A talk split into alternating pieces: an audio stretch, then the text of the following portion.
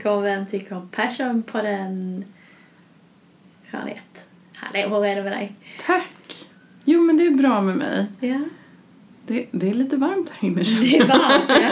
Sommaren är här och det är svettigt. ja. Så ni är välkomna till avsnitt nummer sex och del två i utmattningstemat. Och det, idag ska vi prata om utmattning när man har blivit utmattad. Alltså Inte, förra gången pratade vi om tecken på utmattning, eller tidiga tecken.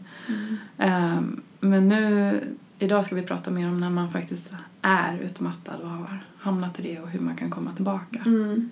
När, när faktum är att man har faktiskt gått in i väggen som man kallar för. För det känns ju faktiskt så för många. Mm. Att det går ett, till ett visst stopp och sen blir man jättesjuk. Mm. Ehm, och ehm, som vi nämnde i förra avsnittet så är det här otroligt vanligt. Ehm, det är ju något som vi jobbar med dagligen. Um, har väldigt många klienter och patienter med utmattning. Och jag tänker om vi skulle dela upp det, vi pratade ju om utmattningssymptom som diagnos förra gången. Alltså att man har symptom på stressrelaterade problem. Mm. Och att idag pratar vi om ehm, en annan diagnos då. Eller man kan egentligen dela upp det i två diagnoser. Utmattningssyndrom Mm. och utmattningsdepression. Vad skulle du säga eh, är skillnaden där? Ja, jag tänker att det är viktigt att vi gör den skillnaden för man kan, man kan alltså bli utmattad ehm, och ha symptom som påminner om depression men inte vara deprimerad. Men sen så kan man också, särskilt då om det har varit en långvarig utmattning, bli deprimerad och då blir det en utmattningsdepression. Mm. Men utmattning i sig är inte en depression. Nej. Ehm, och jag tänker att det är lite viktigt att nämna också för att inom vården så finns inte alltid den kunskapen av att det finns liksom olika typer av utmattning. Nej, det är också min erfarenhet att eh, en del läkare tenderar att ge utmattningsdepression när det egentligen inte rör sig om en depression utan att det är utmattningssyndrom. Eh, att eh, patienten kanske mer har allvarliga minnesstörningar, enorm trötthet, det här kognitiva som vi pratade om förra avsnittet, det är jättetydligt. Ehm, men känner sig nedstämd men ändå kan ha en stor stark frustration att man har lust att göra saker. Mm. Man har inte den här extremt tunga depressiva känslan. Eh, känner sig känslig och, och ledsen och så men eh, där är en skillnad i det. Jag tycker att det, det Mm. du nämner där är ett av de viktigaste skiljetecknen. Just att, att man, kan känna, man kan känna ganska stor lust att göra saker men har ingen ork. Nej. Eh, Medan är det mer åt det depressiva då har man ingen lust ens. Alltså Nej. man vill inte. Eh, Och det kan ju vara olika behandlingar i det. Det är det. En depression kan man behöva behandla på ett annat sätt. Eh, Så det är ju viktigt att få rätt diagnos där. Då tänker jag att går man till en psykolog så ser vi rätt snabbt, lägger rätt märke till vilken diagnos det handlar om och vilken behandling man behöver. Så det är det första steget, att man får rätt diagnos. Ehm,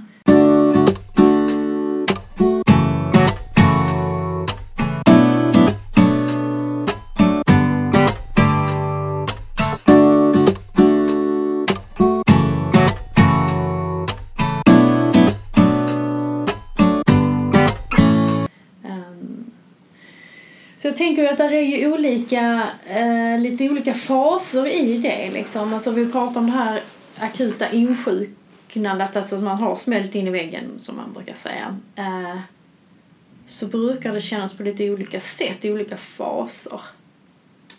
Ja, jag tänker den här akuta insjuknandet det har oftast föregåtts av en ganska lång uppvärmningsfas. Ehm, ehm, alltså lång pratar vi om sex månader, flera Ja. år ibland. Eh, där man har liksom Mm. successivt Mm. bara kört på, bara kört på och bara kört på. Ja. Och sen, och sen smäller det. Ja. Och då när, när det blir det här akuta insjuknandet som man Mm. kallar det. Då kan man vara lite så här förundrad över att, att det kan vara en småsak till och med. Som, som gör att man bara kommer inte ur sängen. Alltså man klarar inte mer. Det bara tar stopp. Mm. Eh, och att för många som hamnar där så kan det vara svårt att ens förstå hur blev det så här, vad händer nu? Man kan hamna i mycket värdelöshetskänslor kring det. Eh, för att man inte heller kan se den här uppvärmningsfasen. Ja, det är så många olika saker till den här fasen också som jag sagt innan. Alltså alla människor är olika. Alltså vi är som pusselbitar, vi alla är olika, vi är med om alla olika saker, vi har olika sårbarhet. Men vi är också med om mm, olika yttre faktorer ju, så det kan ju bero på många olika saker ju. Det är alltså, om jag blir utmattad eller du blir utmattad så kan det ju vara helt olika orsaker. Det kan ju vara inre faktorer men det kan också vara yttre. Alltså att man har varit med om... Alltså livet har varit taskigt mot en för länge. Man har varit med om för mycket saker som har drabbat en. Och alla har vi en gräns. Det vill jag säga, alltså den gränsen har vi alla. Det finns inga supermänniskor utan det behöver man verkligen och det är en viktig sak för att, för att ta hand om sig själva så att vi har alla en gräns. Men där, då känner man ju, då får man den här liksom som man brukar säga akuta insjuknandet, man blir jättedålig. Eh, och det kan ju verkligen vara så att man känner att jag kommer inte ut ur sängen, Mm. alltså att man har ingen energi, känner sig förlamande trött, inget, det är som det liksom bara strejkar kroppen Mm. och hjärnan och så. Och det är en Så- sån inledande fas där man kan känna sig ganska känslig och skör. Ja, ja, ja. Eh, och, och ganska utslagen. Minsta lilla ansträngning om man är helt slut. Mm. Eh, minsta lilla motgång om man är helt förstörd. Om någon, alltså, om någon säger något till en så kan man bara börja gråta. Det kan vara väldigt svårt överhuvudtaget liksom, sortera mellan vad som är stort och litet liksom, i huvudet. Mm. Så det är en sån väldigt skör period. Och ja, så absolut. Så då tänker jag att, att i den, den fasen, när vi träffar människor som är i den fasen, då är det inte läge med bara okej, nu ska vi köra på stenhård terapi och en massa uppgifter och nu ska vi gräva i det och nu ska vi ta tag i det här. Utan där är det ju viktigt att se att okej, den här eh, eh, klienten nu är i fas 1 och är inte mottaglig, va- varken emotionellt eller faktiskt kognitivt, alltså att ta in saker. Eh, utan ehm, här behöver vi liksom bara bekrä- bekräfta, validera, lugna, av förståelse. Ehm, Kanske plocka bort saker också Mm. som stressar. Alltså Ja. typ avlasta. avlasta. Ge mycket stöd och Mm. eh, se till att, att liksom, Mm. personen får vila ganska mycket. Ja. Ehm, Och här kan jag, alltså, jag kan ha en del klienter som blir förbannade på mig. För att de kommer och är i den här fas 1 då. Och, och där jag ser att ehm, här vill klienten köra på som de alltid har gjort innan. Så fixa mig, ge mig en uppgift, låt mig prestera mig ur det här nu. Och de är inte alls ehm, i den fasen för att kunna ta det. Eh, Och då behöver jag liksom luta mig tillbaka och bara säga, inte än. Och då kan de bli frustrerade och tycka liksom att men vad hjälper det här? Nu måste vi liksom sådär. Vi och då får man säga vi kan. nu. Jag fixar mig nu, ge mig en uppgift liksom. Ge mig en bok jag kan läsa. Och då kan det vara där, du är i fas 1. Vi behöver lugna oss, vi behöver bekräfta det här, vi behöver förstå, behöver eh, ta det där. kan vara frustrerande om man är prestationsmänniska där liksom. Men jag, jag brukar beskriva det ibland som att det är en, en motor som har gått för fullt. Liksom. Mm. Och då när man, även om man stannar maskinen så fortsätter den här motorn att köra på ett tag till. Mm. Eh, och det, där, det du beskriver är liksom det där. Mm. Det där som tar ett tag innan motorn stannar. Det där som vi egentligen naturligt kan känna när vi ska ha semester till exempel. Att vi kan vara ganska uppe i varv de första dagarna av semestern. Att det kan ta ett tag innan vi liksom går in i någon form för lunk. Och har du då varit i en sån här uppvärmningsperiod väldigt länge så tar det ju ett tag innan du liksom på något sätt bara landar. Det gör det. Eh, och att, att det finns ett visst motstånd i det, både i kropp och i hjärna. Som in, alltså det betyder inte att det är något fel på en utan att det är bara så här vi funkar. Mm. Att vi, vi har lite svårt för att stanna upp när vi har varit uppvärmade. Ja. Som förståelse för det är där då liksom och att eh, Eh, när man har kommit ur den fasen eller börjar liksom så gå in i något annat så kan vi börja jobba med ett svårt ämne i detta och det är ju en acceptans till att nu har jag hamnat i det här svåra läget. För det är ett otroligt svårt läge och det är otroligt mycket lidande att få utmattningssyndrom eller utmattningsdepression. Det är... Eh, Alltså, kroppen fungerar ju inte, hjärnan fungerar inte så det, det är jättefrustrerande och skrämmande.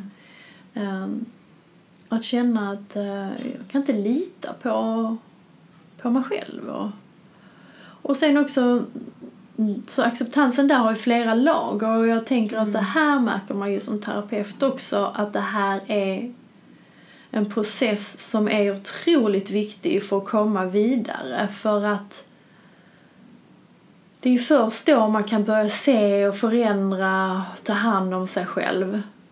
När man har gått i acceptansen, alltså nu är det så här. Och där är någon, en känsla som är väldigt vanlig är ju skam. Mm. Um, och den är också jätteviktig att ta hand om i utmattning. Ja, också för jag tänker man, man, man tappar så mycket av sina vanliga förmågor Då kan man skämmas över att jag inte är så som jag brukar vara. Jag är inte, jag är inte en tillräckligt bra mamma eller tillräckligt bra partner. Det finns väldigt mycket skam kring att jag inte funkar som vanligt men också en, en, en inre konflikt i att jag inte kan agera så som jag har gjort förut. För jag kanske också har haft en hel del stolthet kring mitt sätt att vara på. Alltså att vara kanske en väldigt driven person. Mm. Eh, eller liksom prestera och liksom visa upp vad jag har presterat och sådär. Och sen så kan jag inte det. Då måste jag helt plötsligt drabbas med en skam kring min egen förmåga. Mm. Att jag var en av dem som inte klarade av det här. Yeah. Som vi pratade i förra avsnittet så har vi ett prestationssamhälle så det är inte så konstigt att vi känner skam då för då börjar vi jämföra oss och herregud och och jag klarar inte detta som alla andra klarar då i tankefällan, mm. vilket då inte är sant eftersom många har utmattning. Så mm. man är ju inte ensam. Men det är ju vanligt att man känner sig otroligt ensam i och, det. Och hur ska andra se på mig nu när jag inte presterar så mm. här? När jag inte klarar av de här bitarna. Mm. Kommer folk att liksom tycka mm. att jag är en sämre människa. Ja, och det, man kan också bli triggad i det. För det är såklart det är inte alltid att alla förstår ju. Alltså människor som inte kanske vet någonting om utmattning eller som själv inte har blivit drabbade kanske kommer med någon konstig kommentar men du ser ju pigg ut eller mm. För att det här syns ju inte det. hade varit jättepraktiskt har jag tänkt många gånger. Det hade varit så praktiskt om utmattning hade synts på utsidan. Mm. Att det hade varit som ett bränn, en brännskada. Okej, okay, det här är liksom eh, nivå ett. Mm. det här är brännskada tvåa. Den kommer att ta så här och så här lång tid. Mm. Men det gör man ju inte och därför så är det ju omöjligt också för oss att säga som träffar patienterna alltså att eh, okej okay, men du är i en eh, nivå två och det kommer ta fyra och en halv månad mm. innan du mår bättre. Men det kan man inte.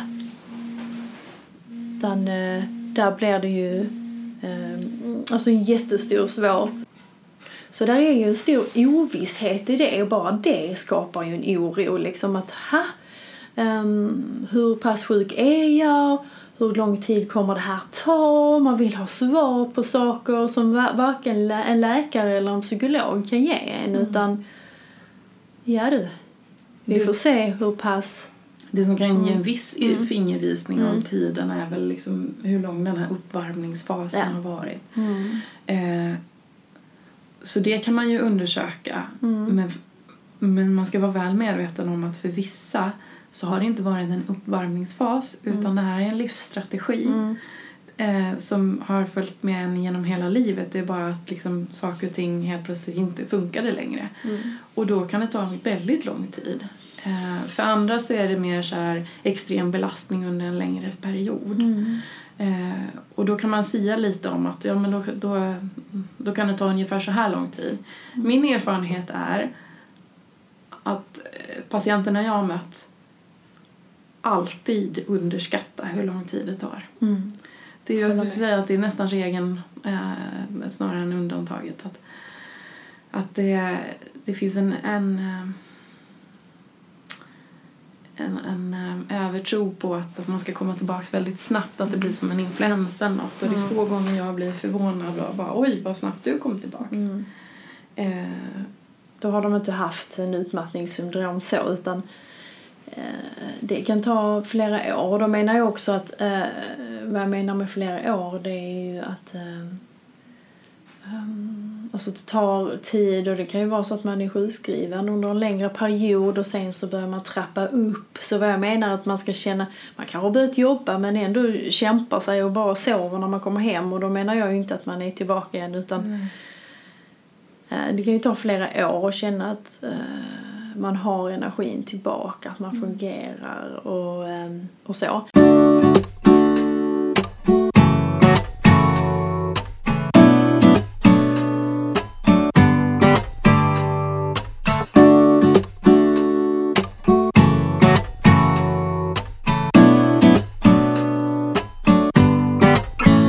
Eh, Men eh,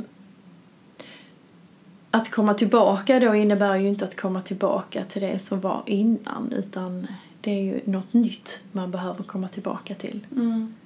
Men just det här att eh, känna att man har, nu, när, nu laddar jag batterierna igen, jag tål saker, alltså jag tål ljud kanske igen, man är ljudkänslig ofta. Och, eller jag tål att, eh, att jobba på jobbet i åtta timmar och så. Det är ju en lång resa Mm. ofta. Det kan vara för många Ja. ganska lång Ja, resa. och går ju inte spikrakt utan det kan Nej. vara liksom två steg fram, ett steg bak och så. Det är lite som man får stretcha liksom så.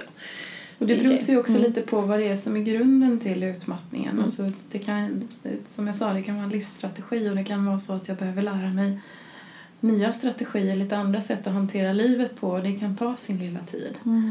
Ehm, Så acceptansen där, tänker jag, och där är mycket vänlighet i det och där kommer ju självmedkänslan in jättemycket till skammen.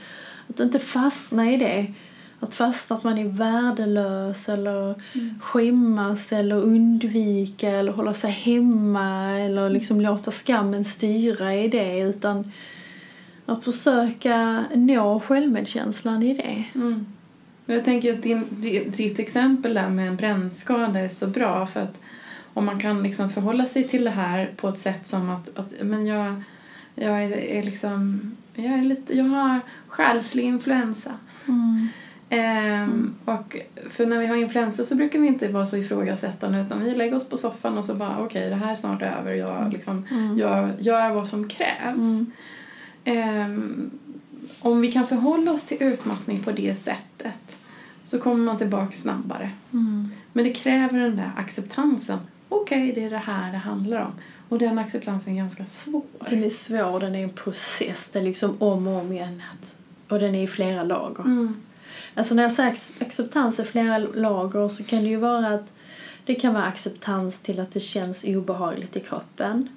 Det kan vara acceptans till att jag klarar inte av att gå på släktkalas längre en period. Det kan vara Just nu. just nu. Eh, Det kan vara acceptans till att andra inte förstår mig, att jag upplever det. Det kan vara en acceptans till att ehm, jag behöver ta en break i min karriär eller mina studier eller kan vara en acceptans till att jag behöver söka stöd och hjälp mycket mer än vad jag gjort innan. Så acceptansen är ju en process. Daglig process och den är- har flera lager hela tiden. Och ibland handlar det om en acceptans kring sin trötthet, Ja. sin bristande ork. Att vara okej med det. Det är så här det är just Ja. nu. Och acceptans just, till sin frustration. Acceptans till att man, att man känner skam, att man är frustrerad, att man blir arg, att man blir ledsen. Att, Ja. jag tycker det här uttrycket just nu är så himla hjälpsamt. Mm. För att det avgränsar det lite att det här är inte för evigt men just nu behöver jag göra det här. ja. Just nu är det så här. Just nu måste jag göra de här anpassningarna. Mm. Det är inte för evigt. Det Nej. går över. Nej, men om det tar lång tid för många så komma tillbaka. Så det är alltså viktigt det här liksom att förstå att man är i olika faser och att man behöver jobba med acceptans. Och där är, är- har man utmattningssyndrom då ska man, tycker jag, gå i terapi. Du ska ha en läkare du litar på som du känner förstår dig. Jätteviktigt. Jätteviktigt. Byt om du inte har det. Nej, byt då illa kvickt. Mm. Ehm, och du ska ha en psykolog som du känner också eh, ja, du känner dig trygg med Mm. och som kommer hjälpa dig lotsa igenom där, där, de här olika stegen. Jag ska kanske bara säga det kring acceptans för ibland så tror människor att acceptans innebär att vi måste gilla det. Nej. Utan acceptans handlar bara om att, att liksom på något sätt anamma att ja, men det är så här det är just nu.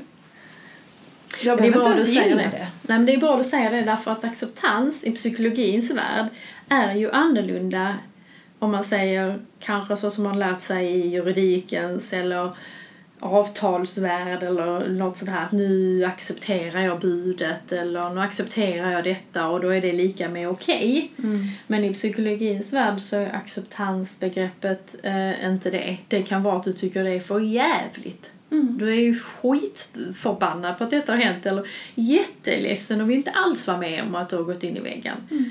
Men det handlar om att accept, en acceptans där då att det här har hänt. Mm.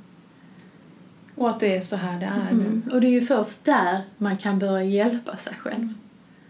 För annars står man ju bara och krigar mot att det här har inte hänt, jag vill inte, jag vill inte, jag vill inte, jag vill inte. Utan, Och egentligen kan man inte börja någon faktisk behandling förrän du hamnar här. nej. Alltså i någon form för, för accept kring Mm. jag är utmattad. Mm. Där kan vi börja resan. Mm. Och den kan man ju nå tillsammans med en terapeut eller om man har någon god vän som kanske har gått igenom det, som kan hjälpa en. Mm. Som kan säga att så här kändes det för mig. Mm. Eftersom det är så pass vanligt nu så de flesta känner nog någon som kanske kan berätta om sin resa eller så. Mm.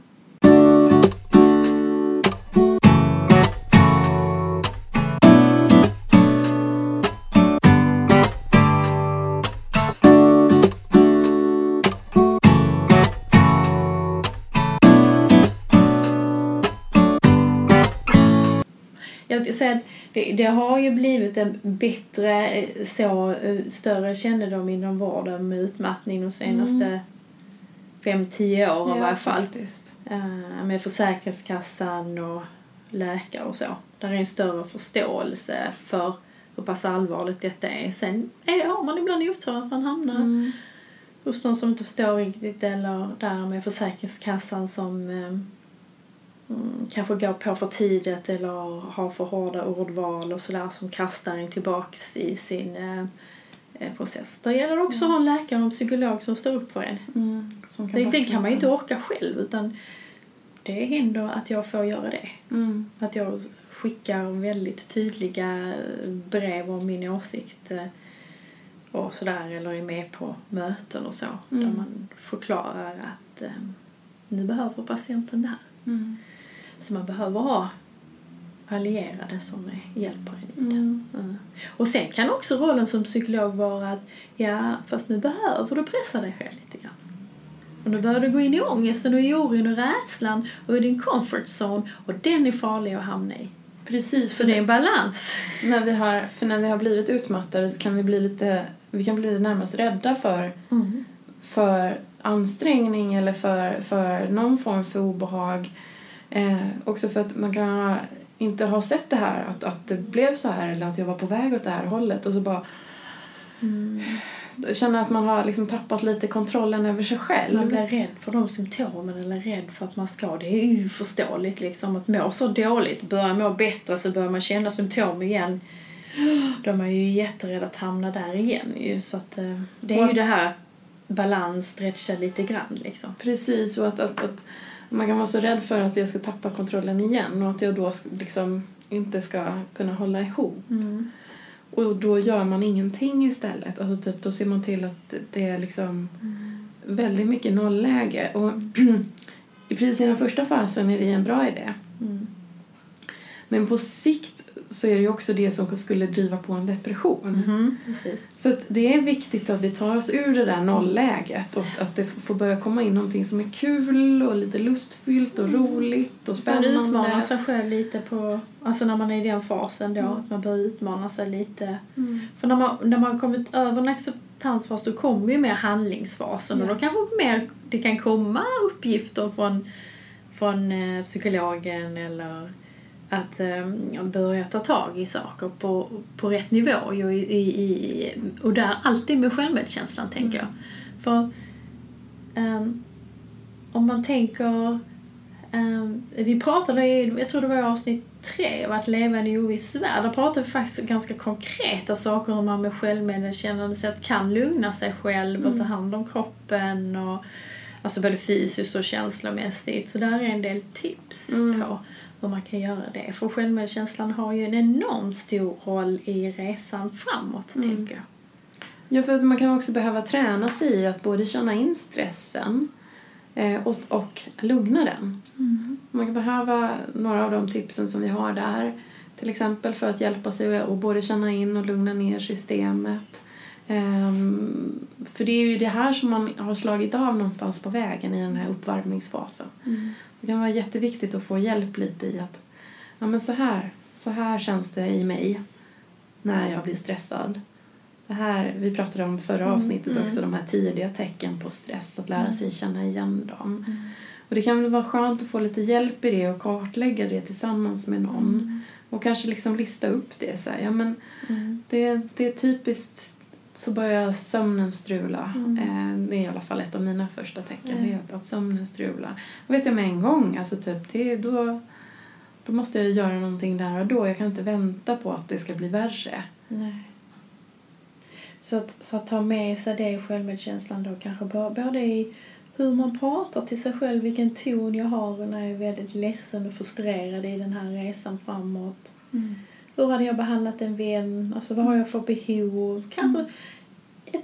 ett tips där är faktiskt som jag kan tycka är bra för att nå självmedkänslan. Det är att skriva ett brev till sig själv. Mm. Där man kan skriva hur jag kämpar. Att bekräfta och sätta ord på. Alltså att man tänker att det brevet ska vara skriven till en vän som lider. Alltså att man använder den tonen, de orden. Det kan vara allt från jag ser att du tycker det här är jättejobbigt. Mm. Um, du kämpar med detta och detta. Um, det var så himla starkt av dig att du försökte göra det här. Um, det är okej okay att känna så här. Mm. Jag finns här för dig. Mm. Att sätta sig ner och försöka nå självmedkänslan genom att se kampen man är i och sätta ord på det, bekräfta. Mm. Jag behöver det här just nu. Jag tycker det är en ganska bra övning mm. i den här fasen. Liksom. Mm.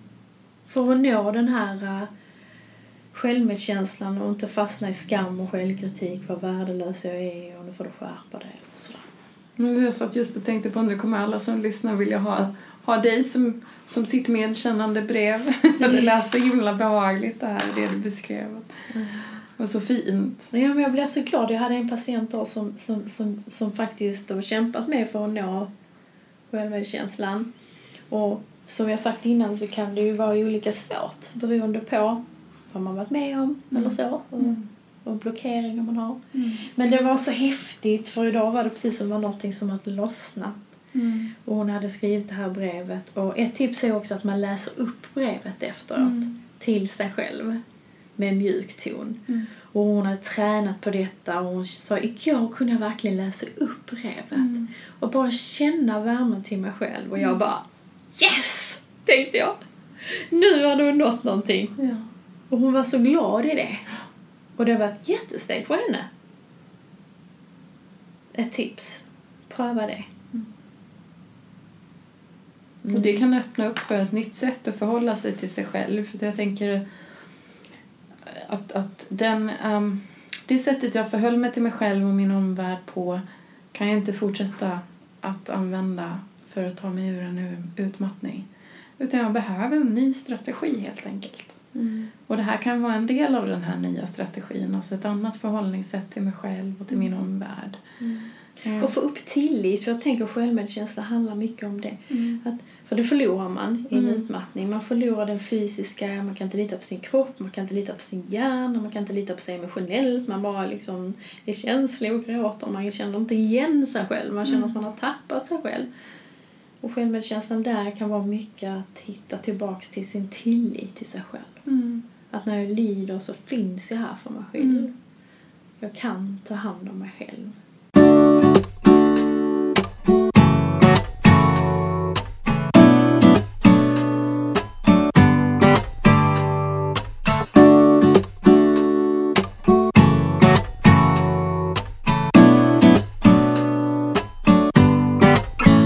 Jag tänker att vi kan behöva förstå de här reaktionerna vi har som kanske kan verka konstiga, alltså som att jag börjar gråta för ingenting. Ehm, för jag tänker att, att de reaktionerna är helt normala givet vart jag är. Alltså är jag liksom helt dränerad så ska kroppen och hjärnan reagera på det här sättet. Mm. Men det kan ju för mig te sig som konstigt. Det kan te sig som att jag inte är som jag brukar vara. Men, men kroppen håller, ju- den håller, känner jag av att jag håller på att köra helt slut på mig själv. Så den Mm. kommer ta till det stora artilleriet för att, att bekämpa det här också. Och då får jag ju också reaktioner som är eh, ovana och konstiga. Mm, ja, det kan vara jätteläskigt. Jag vet liksom ibland när, om det var, som stresssymptom att jag kan bli yr. Alltså för mig är det en läskig känsla. Så Jag Mm. blir rädd när det snurrar eller jag blir yr och så. Det är ju inte en farlig känsla i sig. Det är väl mer bara att kroppen säger hallå, drick någonting eller du, du, du är Det är lite för mycket. det är för mycket. Eh, eh, och där gäller det för mig också att ha den här självmedkännande och acceptansen att det är läskigt för mig att bli Mm. yr och ta hand om mig. Blir jag yr. Det är lugnt, det är läskigt. Alltså så, så att jag inte går in i åh jag blir vad fasiken var det och nu kommer allting bli skithemskt och jag kommer att trilla här och då går man in i en ångestspiral Mm. och trissar upp sig själv istället. Så fysisk, fysiska symptom som är jättevanliga ju när man har utmattning. ehm, man behöver förstå också, är det någon av dem som triggar mig till ångest Mm. eller rädsla? För det är ganska vanligt, eller hur? Någon blir jätterädd för hjärtklappning, någon blir jätterädd för yrsel eller någon blir jätterädd att det liksom ehm, sticker till eller man domnar bort, i, vilket är va- vanligt att man domnar i fingrar och fötter och sådär. Ja, eller de här mer ehm, ehm, de här symptomen som kommer ner som handlar mer om hjärnan. Att, att antingen att man känner att, att man är liksom luddig i hjärnan, alltså det man kallar brain fog, någon form för hjärndimma. Ehm, eller att man tappar minnet till exempel eller har svårt att liksom ehm, man har svårt att orientera sig. Mm. Eh, Det kan ju också vara väldigt skrämmande att sätta igång så tankar kring sig. Ja, men då har jag, har jag en hjärntumör Ja, eller det ja, är någonting precis. fel i, mitt, i Det min hjärna ångest, liksom. eller sådär. Eh, Och jag tänker också att är vi redan väldigt stressade så är ju också ligger ju ångesten nära till hands. Mm. Så ångest är ju vanligt i den, den, den, den, detta skedet liksom. Jag tänker att det här handlar ju också om att när vi är utmattade så är vi väldigt sårbara. Och då ska vår, hela vår mekanism vara mer alert. För vi kan ju faktiskt råka illa ut. Alltså till exempel om du tappar lite i uppmärksamheten, ja, men då kanske du inte ser en bil som kommer på väg och håller på att köra på dig och kan reagera så snabbt. Så vad gör kropp och hjärna då? Den bara drar på med jättemycket ångest så att vi är hyperalerta. Mm. Det är ju supersmart. Mm. Men jätteobehagligt men det här och oförståeligt. Man fattar inte vad som händer liksom när man bara vill känna lugn och så. Ja. Men jag tänker att det är det här man ofta kämpar med i, i utmattningen också. Att man, man går runt med ganska, alltså väldigt hög nivå av ångest. Vilket u- från ett överlevnadsperspektiv, suveränt, det är precis så det ska vara. Det är så vi ska funka. Och de Men- här kan ju leda till panikångestattacker och så att å- ångesten är som en spiral av tankar och känslor man blir rädd för. Oftast kan det ju vara triggat av något fysiskt och så går det igång och så kan man få en ångest, panikångestattacker och så också. Eh, och, och, eh, vilket är jätteobehagligt att få och många blir jätterädda för det. De är inte ovanliga. Jag tror det är 30 procent av alla svenskar som får det någon gång. Eh, så det det, och de är inte farliga även om de känns verkligen som att man ska dö. Eh, så är det inte farligt utan det är ju ett, systemet har ju helt överalarmat. Den reagerar som att det är en lejon har kommit in i rummet. Sån hjärtklappning får man och hyperventilation och sådär. Det är också någonting man kan behöva ta hjälp av eh, hos en terapeut och så. Och lära sig lugna Mm. ner systemet. Och ib- vissa, vissa reagerar med ångest, andra reagerar med ilska. Mm. Och kan vara jättearga. Mm. Och liksom, du vet, fräsa för minsta lilla och sådär. Ehm, och det kan man också behöva lite hjälp med då, att, Mm. att identifiera att det är det här det handlar om. Igen, ilska är ju också en sån överlevnadsemotion som gör att vi Ja, men har du lite energi så är det klart att du håller hårt som fan i den och, Mm. och fräser ifrån om någon kommer och vill ha någonting av dig eller kräva något av Mm. dig. Så alla slags känslor där kan det vara. Och det kan vara olika för olika människor. Vad Mm. det är för känslor som man kanske har svårast för att hantera eller tycker är otäckast i den situationen. Och att man inte känner igen sig själv. Alltså att man, man är inte i balans ju, så man känner inte igen sig själv. Mm.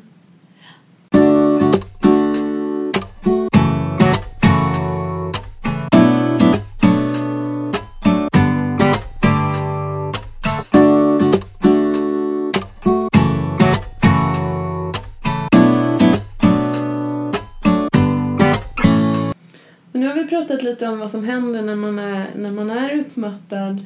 Och vi har varit inne och pratat lite om behandling och så vidare. Mm. Alltså, jag tänker att vi ska prata lite mer om hur man kommer tillbaka efter att man har blivit utmattad och börjat få hjälp i, i den här Mm. utmattningsprocessen. Vad Mm. tänker du kring det, Åsa? Ja. att komma tillbaka till ett hållbart liv där man känner kvalitet och energi igen eh, är ju en lång resa med många insikter på vägen.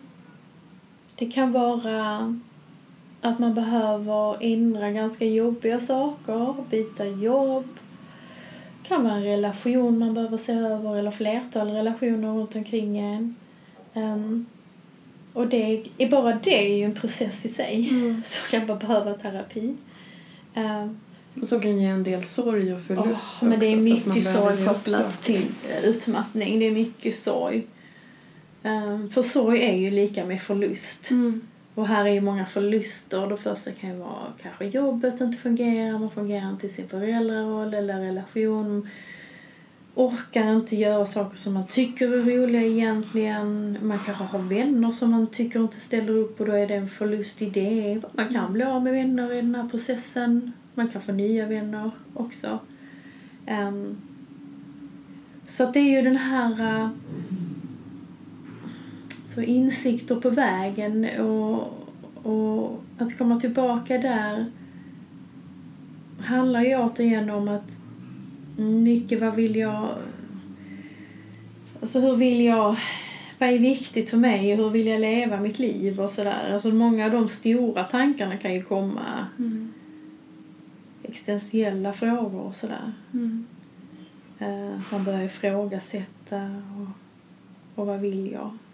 Men jag tänker att om man säger i, fasen där när man kanske är i acceptan, acceptansfasen där man börjar kunna jobba med saker och handling då handlar det ju alltså då handlar det mycket om först om en bas, alltså äter jag rätt? Mm. Eh, träning ska man vara inkännande till för att träning eh, tänker jag är ju generellt sett väldigt bra. Eh, men i utmattning behöver man vara försiktig. Behöver vara mjuk träning där du känner in om blev jag bättre? Eller hur kändes det efter? Mm. Särskilt i känn- de här första faserna. Oh ja, alltså där ska man ju inte träna så utan kan handla om att gå ut och få frisk luft. Ja. Och känner man att man blir piggare av det efter, då är det ju bra. Men Mm. att ehm, ehm, den får man lägga på mer och mer och hela tiden känna efter hur känns det i min kropp.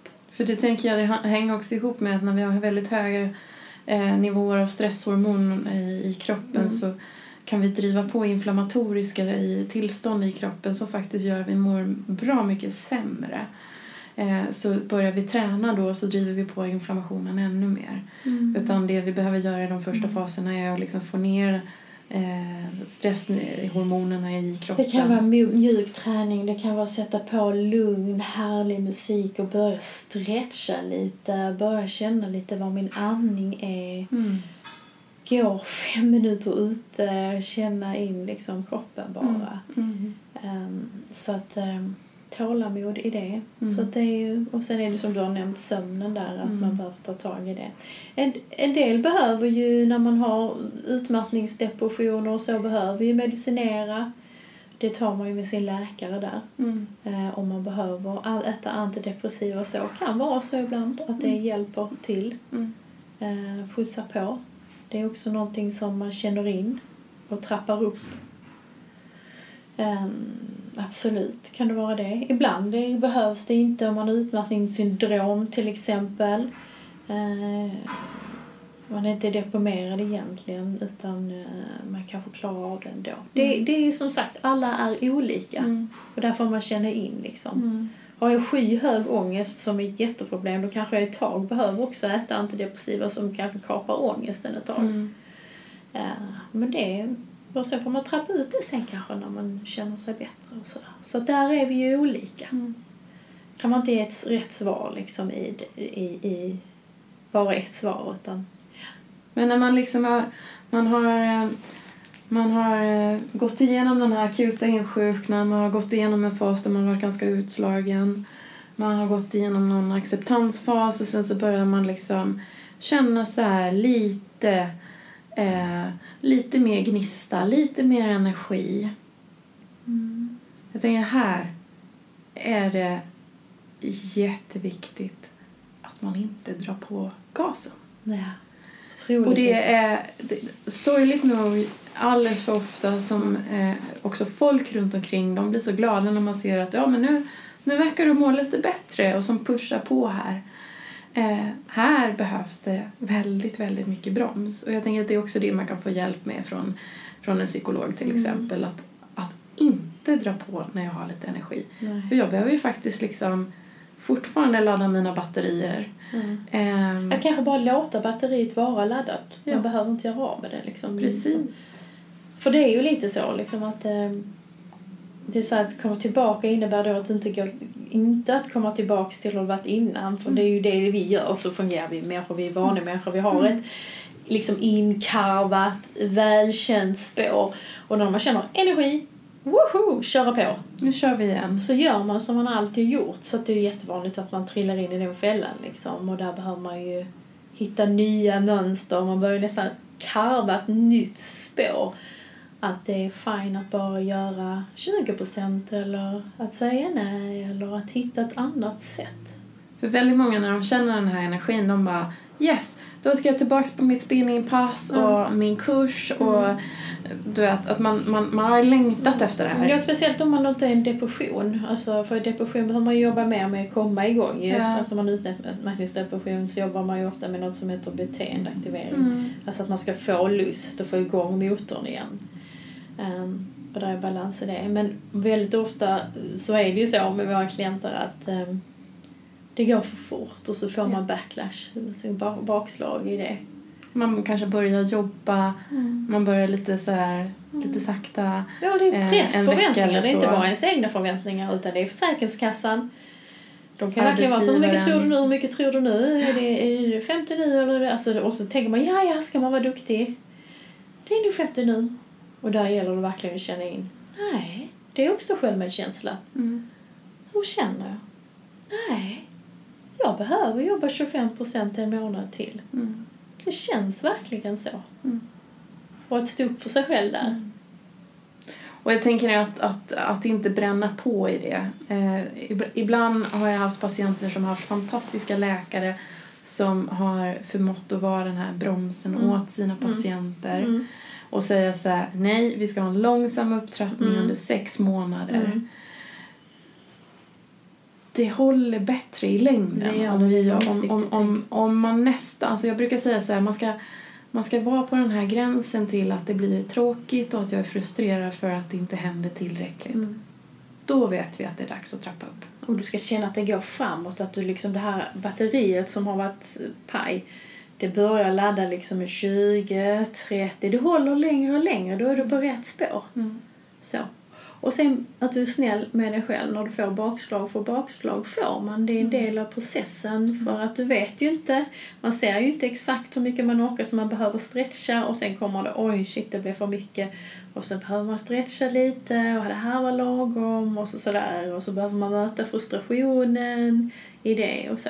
Och har man då trappat upp för snabbt Mm. då kan, det, alltså då kan det bli för jobbigt för då är helt plötsligt, då måste jag inte bara de- deala med min Mm. egen besvikelse kring det men kanske familjens, arbetsgivarens, arbetskompisar, allting runt omkring. Mm. Och då är det bättre att hålla igen lite. Ja, och, och vara lite där kan vara ilskan ibland vara bra. Mm. Alltså man säger gränssätta. Nej, nu är jag viktig. Mm. Vad behöver jag här nu? Nej, nu är faktiskt jag viktigare än jobbet. Mm. Som vi sa förra gången, inget jobb är värt det. Mm. Utan nu är faktiskt jag viktig. Och vad har jag för behov här nu? Jobben kommer och går va, men det gör ju inte ens hälsa och ens liv. Man har ju bara detta livet här. Vad vi Precis. vet i alla fall. Ja, precis. Men jag tror det i alla fall. Tråkigt. Just nu har vi bara detta i alla fall. Men det hade väl varit tråkigt om vi skulle vara utmattade liksom hela det här livet. Mm. Oavsett om det finns några fler. Ja, precis. Så att, eh, att komma till det liksom. Och där tänker jag att när man har kommit så långt och man börjar liksom fundera på okej, men vad, vad är min identitet nu? Och hur vill jag leva resten av mitt liv? Och eh, där kommer ju mycket värderingar in. Alltså värderingar tänker jag är det underliggande eh, en underliggande önskan att vara eh, i livet med sig själv och med andra och sådär. Vad, ja, precis. Vad är Och- viktigt för mig? Vad är viktigt för mig? Och, och hur får jag det i livet och sådär. Och Vad behöver där behöver man ju stå på för sig. Och man behöver känna in Ja. och vara liksom självmedkännande och känna Känns det här bra för mig? När jag är glad, vad är det jag gör då? Vad är det jag fyller mitt liv med då? Och så. Vad, vad behöver jag mer av? Vad behöver jag mindre av? Eh, och hur kan jag skapa det? Ja, för då tänker jag är mer som en inre kompass och då står man ju ganska stadigt. Annars är det ju 500 andra personer som ska ha en åsikt om vad man ska göra. Men om man börjar kontakt med vad man själv vill där så. Vad vill jag? Vad är viktigt för mig? Ja. Om jag nu bara har detta livet, eh, vad vill jag då? Det, så det är ju en viktig grej när man har kommit, när man kommit ehm, att, man, att man ser dels då ser den här insikten, ser sina mönster. Vad kan, vad kan trigga mig till kanske att, så vad brukar trigga mig att trilla tillbaka så att man får den insikten. Um, alltså vad är lite riskfaktorerna för Mm. mig? Ehm, söka stöd, alltså våga vara sårbar, fortsätta med det. Så tänker jag är viktigt. Mm. Och sen är det en annan sak som också jag tänker är så otroligt viktigt och det är att man känner sig ensam. Men att verkligen förstå att det är du inte. Nej. Utan det här är ju så mänskligt och det är så många som sitter i samma situation. Och verkligen kan bara säga till sig själv att så här känns utmattning. Mm. Och så här känner många människor just nu. Mm. Och vad behöver jag i det? Mm. Och det är inget fel på mig för att jag känner så här. Nej. Mm. Nej. Utan mitt värde ligger inte i det. Utan Mm. jag är viktig och värdefull och... Precis som alla andra. Ja. Mm. Mm. Mm. Så att om du kanske vet någon som du liksom känner har hört någonting av, våga sträcka ut en hand, hör hur det har varit för andra. Mm. Mm. Och när man har kommit liksom så pass långt så brukar det faktiskt, om vi skulle ta det ännu längre, alltså de, när man träffar de som har liksom kommit ur det. Och det kanske låter helt ofattbart när man är, om man säger att man är i fas 1 nu och så är jag helt plötsligt nu, nu, är, nu pratar jag om klienter som är ute ur det. Mm. De har oftast en sån klokhet Mm. eh, med sig efter detta. de har lärt sig någonting och de har en klokhet och de, oftast så hjälper de ju andra Mm. i situationer de kan se andra som eh, kanske är på väg in eller de ser tydligt vem som är utmattad och hjälper dem. Och Mm. Det kan man ju bara se på om man kollar på sociala medier, vilka mycket forum det är och så mycket tips och så mycket hjälp och så många Ja. som hjälper varandra. Det är faktiskt jättefint att se. Ja, faktiskt. Det finns, där, där finns det mycket att hämta. Det finns mycket gott där. Ja, det gör det. Mm. Mm. Ja. Jaha, ja. nu är det dags för oss att ta sommarledigt. Nu är det dags för oss att ta sommarledigt. Vad härligt. Ja. Ja. Och vi är tillbaka igen till hösten. ja, man behöver le- lite ledigt nu efter den här märkliga våren. Ja. Det är läge att ladda batterierna nu. Ja, det är lä- läge att ladda batterierna och ta hand om sig och träffas ute och bara få ligga i gräset och känna solen. Och... Njuta naturen. Ja, Mm. så härligt Mm. Ska bli. Hoppas vi får mycket sol. Mm. Det hjälper till. Jag hoppas du får en jättetrevlig sommar. Ja, men du också. Så ses vi till hösten och ta hand om er. Tack för idag. Hej, hej.